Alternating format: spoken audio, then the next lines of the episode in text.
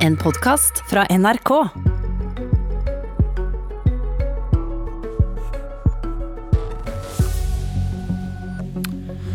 Partienes sommeroppsummeringer kan være slappe greier. Men ved inngangen til denne sommeren er det litt å ta tak i. Men hvor ble det av det største opposisjonspartiet i mylderet av milliarder og brede kriseforlik? Nå er det slutt på enigheten, sier Jonas Gahr Støre. Og velkommen til Politisk kvarter, leder i Arbeiderpartiet, Jonas Gahr Støre. Takk skal du ha. Eh, senere i dag skal du altså oppsummere året, en periode med krise for, eh, for landet. Og Arbeiderpartiet fikk da, som mange har fått med seg, ikke være med på denne siste krisepakken for å få fart i økonomien. Og forstår jeg det rett at du syns det var helt greit og riktig? Det er et uttrykk for at politikken går tilbake til normalen, på et vis. Eh, som jeg sier, eh, Siv velger Erna, Erna velger Siv. Fremskrittspartiet er støtteparti for denne regjeringen. Nå skal budsjettet da justeres midtveis i året, det er budsjettet de har vedtatt. Og de gjør valg som er i og for seg politisk gjenkjennelige. Kutt i formuesskatten, for lite oppfølging av de som er permitterte, de som nå sliter og har utrygghet i hverdagen. Det er politiske skillelinjer. Så jeg syns det egentlig er eh, norsk politikk litt tilbake til normalen. Vi har tatt ansvar når det virkelig sto på med brede forlik. Og hvor ble det av Arbeiderpartiet? Vel, vi har jobbet knallhardt siden midten av mars. Eh, men nå skal vi også profilere vår politikk, og vi skal gjøre det opp mot en høyreside som jeg tror vi kommer til å se blir tydeligere også eh, framover i året. Ja, Du ga et lite stikkord der, eh, disse skattelettene som dere ikke liker. og Du sto i spissen for en krisepakke for oljeindustrien. Den må skape jobber, skrev du i VG i går. Men når det gjelder kutt i denne formuesskatten du er så imot, som bedriftseiere må betale, mener dere skattelette ikke fører til flere jobber. Hvorfor virker skattelette for å skape arbeidsplasser i oljeindustrien, jo, men ikke for andre bedrifter? Når det gjelder formuesskatten, så har vi jo etterlyst det i mange år. Hvor er forskningen som viser at de milliardene fører til jobber? Eh, den er det ikke mulig å vise fram, så vi er mot det. Det øker forskjellene. Redningspakken til den industrien du nevner, er ikke skattelette. Det er et grep, midlertidig, målrettet gjennom noen år for en industri som var i ferd med å knekke ryggen. Utsatt skatt, vil jeg kalle det. Hvor det ender helt på streken når de er ferdige etter en seks-sju år med prosjekter de nå setter i gang. Det er ikke godt å si. Jeg tipper det ender et sted som pluss-minus null. Eh, men det er altså et grep hvor vi eh, utsetter den innbetalingen av skatt som gjør at prosjekter kommer i gang. Og Det er, et, det er noe vi vet fører til arbeid. Jeg har sett det selv. Bare dagen etter vi vedtok dette, så begynner de å sveise ved eh, verftet i Verdal. Så det er målrettet, og det virker. Men hvorfor er det noe annerledes? Dere gjør nå skattegrep, en midlertidig skattelette som du snakker om her, for å frigjøre penger så bedriftene kan investere. Det skaper jobber. Det er akkurat det samme private bedriftseiere ber om når det gjelder formuesskatten. Kutt i den, frigjør penger, så kan vi investere. Det er påstanden, og du sier at det gjelder én logikk for bedrifter i oljesektoren, en annen logikk for bedrifter andre steder. Ja, og det er helt riktig, for det er to ulike ordninger. Hvis du kutter i formuesskatten, så er det varig. Det gjelder hvert år, år for år. Svekker inntektene til staten. Men logikken er den samme. Det frigjør penger for disse bedriftseierne, så de kan beholde folk i jobb, eller investere og skape nye jobber. Hvorfor gjelder ikke den logikken der? Nei, fordi at uh, formuesskatt betaler jo folk med formue. Jeg betaler formuesskatt, uh, bedriftseiere betaler formuesskatt. Uh, hvor de pengene går, om de går til økt forbruk, økt sparing eller hva det er, det vet vi ikke. Men du må jo åpne for at de kan gå til investeringer, når du sier at hvis vi gjør noe med skatten for olja, du frigjør milliarder til investeringer, det skaper jobber, sier du ja. nå.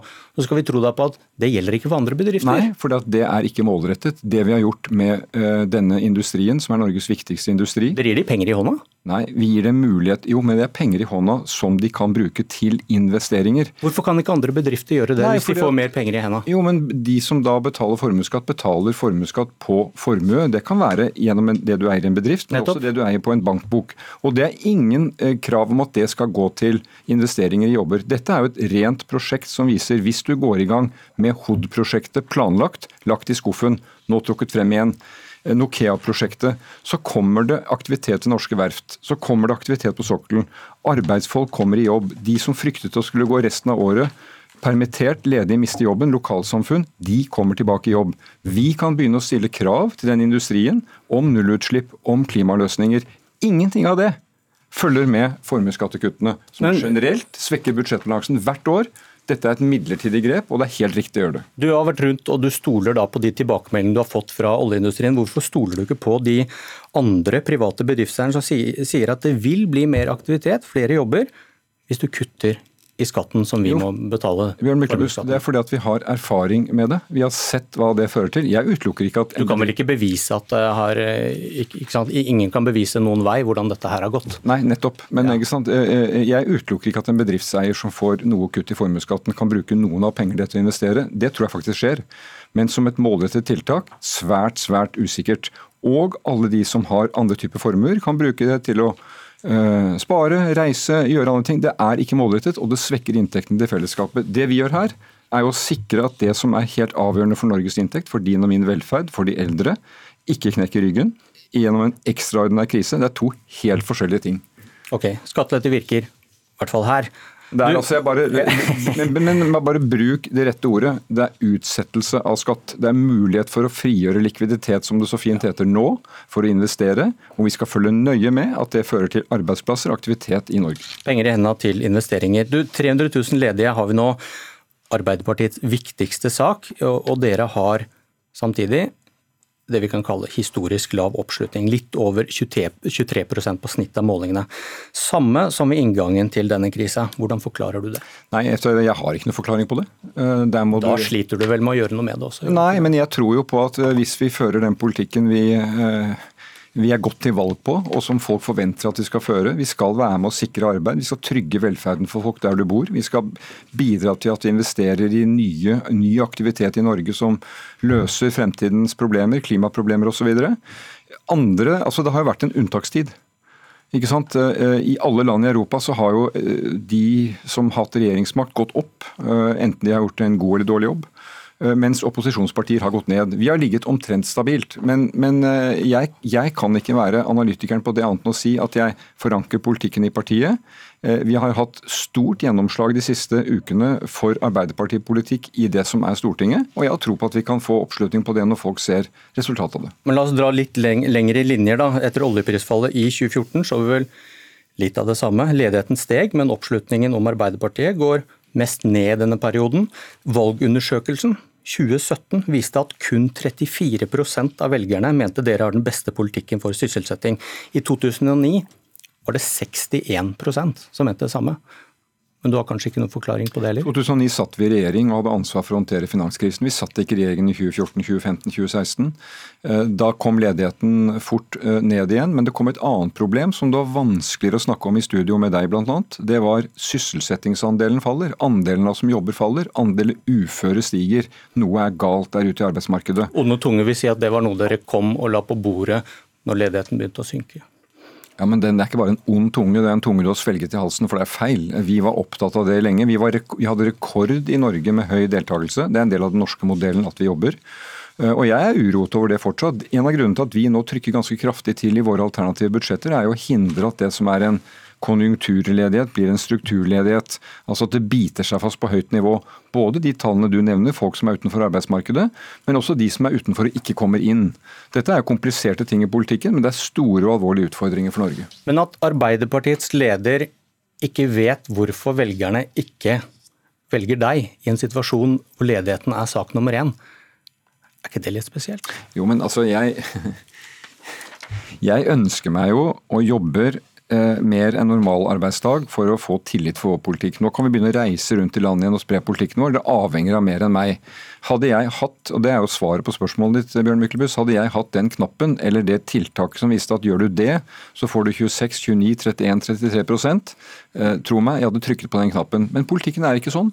Eh, her er det eh, konjunkturer. Jeg har tro på Ting skifter. Jeg har tro på at det er hardt arbeid, resultater som du bygger opp over tid, som fører til at du får tillit. Tillit kan du ikke abonnere på, du må vinne den. Og jeg har til hensikt å gjøre det. Men en leder som ikke finner den knappen, har vel ikke noen framtid som leder? Nei, en dag så kan du si det. Men, men nå er det slik, eh, slik det at jeg har stor tillit i det partiet. Eh, det er stor oppslutning om det vi gjør. Og vi lander saker som dere dekker, eh, og det kan være strid og uenigheter, men vi har landet disse sakene nå denne våren. Krisepakkene, det at vi redder industrien, det at vi bidrar til et stort kompromiss om forvaltningsplanen i nord. Vi lander dem etter gode, solide flertall. Gode diskusjoner. Og så blir det oppmerksomhet om dem. Det, det kan jeg egentlig trives med. Så får vi se hva velgeren sier. I jakten da, på forklaringer, eh, kan det være vanskelig for velgerne å skjønne hva dere mener? At de interne rivningene i partiet blir så kraftige at det blir uklart hva dere står for. I debatten, For å ta et annet eksempel, da, vi snakket om oljeskatten, hvor det har vært debatt. I debatten om Norge skal ta imot barn fra Moria i Hellas, sa Arbeiderpartiet først høyt nei. Det skal vi ikke, for det vil være en invitasjon til menneskesmuglerne til å fortsette å føre flyktninger og migranter til Europa. Dødsveien over Middelhavet, sa din talsmann Masud Gharahkhani. Uka etter åpnet dere for at Norge kan ta imot barn fra Moria. Ja, og Det mener jeg var riktig, en riktig beslutning. Det Vi sier er at vi skal ikke sitte i en situasjon hvor vi tar folk ut av de leirene som etter kort opphold i Norge blir sendt ut igjen av Norge, for de har ikke krav på beskyttelse. Vi må vite at de vi hjelper har krav på beskyttelse, og da bruker vi kriteriene som FNs kvoteflyktninger gjelder. Det Men jo... Slutter flyktninger å komme over Middelhavet hvis det er FN som peker på hvem som skal hentes fra Moria? Ja, Logikken blir vel den samme. at Hvis du kommer deg til Europa, til Moria, så kan Norge komme og hjelpe deg. Nei, tror... Noe dere sier fører til drukninger i Middelhavet. Nei, jeg tror at hvis du er en ung mann som av grunner jeg kan forstå flykter fra elendighet, kommer deg over Middelhavet eh, og tror at du dermed kommer til Norge, så er det feil. Da blir du sendt tilbake igjen hvis du ikke har krav på beskyttelse. Men hvis du er... Du legger inn et insentiv her. Hvis du kommer deg til Moria, så kan det være Norge kommer og redder deg. redder deg. Det er derfor vi er så tydelige på at det er de prinsippene med sårbarhet som FNs høykommissær har trukket opp, eh, som gjelder for kvoteflyktninger. Det mener vi er den riktige veien. Det er jo den veien Bjørn Myklebust andre partier også ser i retning nå. Eh, når de legger frem politikk. Og det er det omtrent regjeringen har kommet med. Det er et flertall for å gjøre det, og det er ansvarlig. Det stimulerer ikke til den type trafikk du viser til, og Norge er med på å ta ansvar i Europa. Ok, lykke til med jakten på knappen.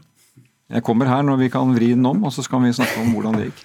Magnus Takvam, eh, politisk kommentator i NRK. Jeg vet ikke om du har klare svar på akkurat det, men jeg stiller i hvert fall spørsmålet hvorfor har Støre kun 24% av velgerne i ryggen, samtidig som det er 300 000 ledige? Ja, svaret på det er både skal vi si, noe som er uh, en langsiktig forklaring, trender i samfunnet, og selvfølgelig helt spesielt noe med den unntakstilstanden vi har vært, uh, opplever i øyeblikket.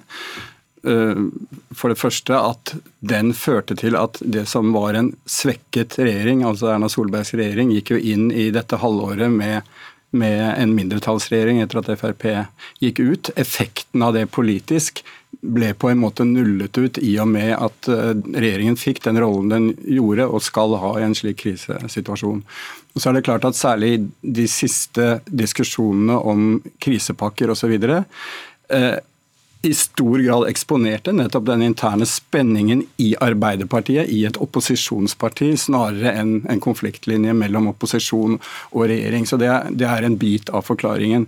Så er det i det store bildet slik at det er selvfølgelig mye vanskeligere i vår tid eh, når Arbeiderpartiet ikke lenger kan regne med å være et veldig stort parti på rundt 35% stabilt. Da opplever vi at partier som er på en måte på den siden av politikken, tar velgere fra de som opprinnelig var i Arbeiderpartiet, langs distriktsdimensjonen, Senterpartiet, uh, ulikhet, uh, radikal økonomisk politikk i SV osv.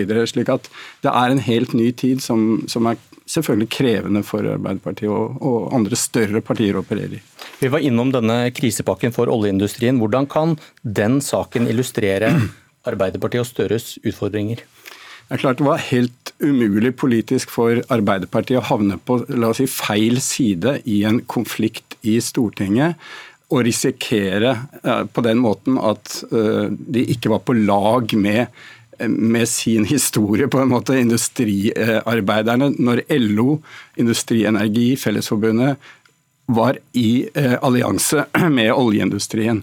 Slik at de måtte finne en løsning der Eh, de var på den siden, og det gjorde de til slutt. Men det er klart, det smertet også, det har alle forstått når vi ser både hva AOF og, og andre eh, sier etter den konflikten, og kanskje særlig fordi den også kom sammen med hele forvaltningsplanen omkring iskanten, så ble det veldig mye på den siden eh, av konfliktlinjene i Arbeiderpartiet, og det, det, det setter sine spor, selvfølgelig. Takk for den analysen, Magnus Takvam. Eh, tiden vår renner ut. Nyhetsmorgen fortsetter straks. Dette var Politisk kvarter, og jeg heter Bjørn Myklebust.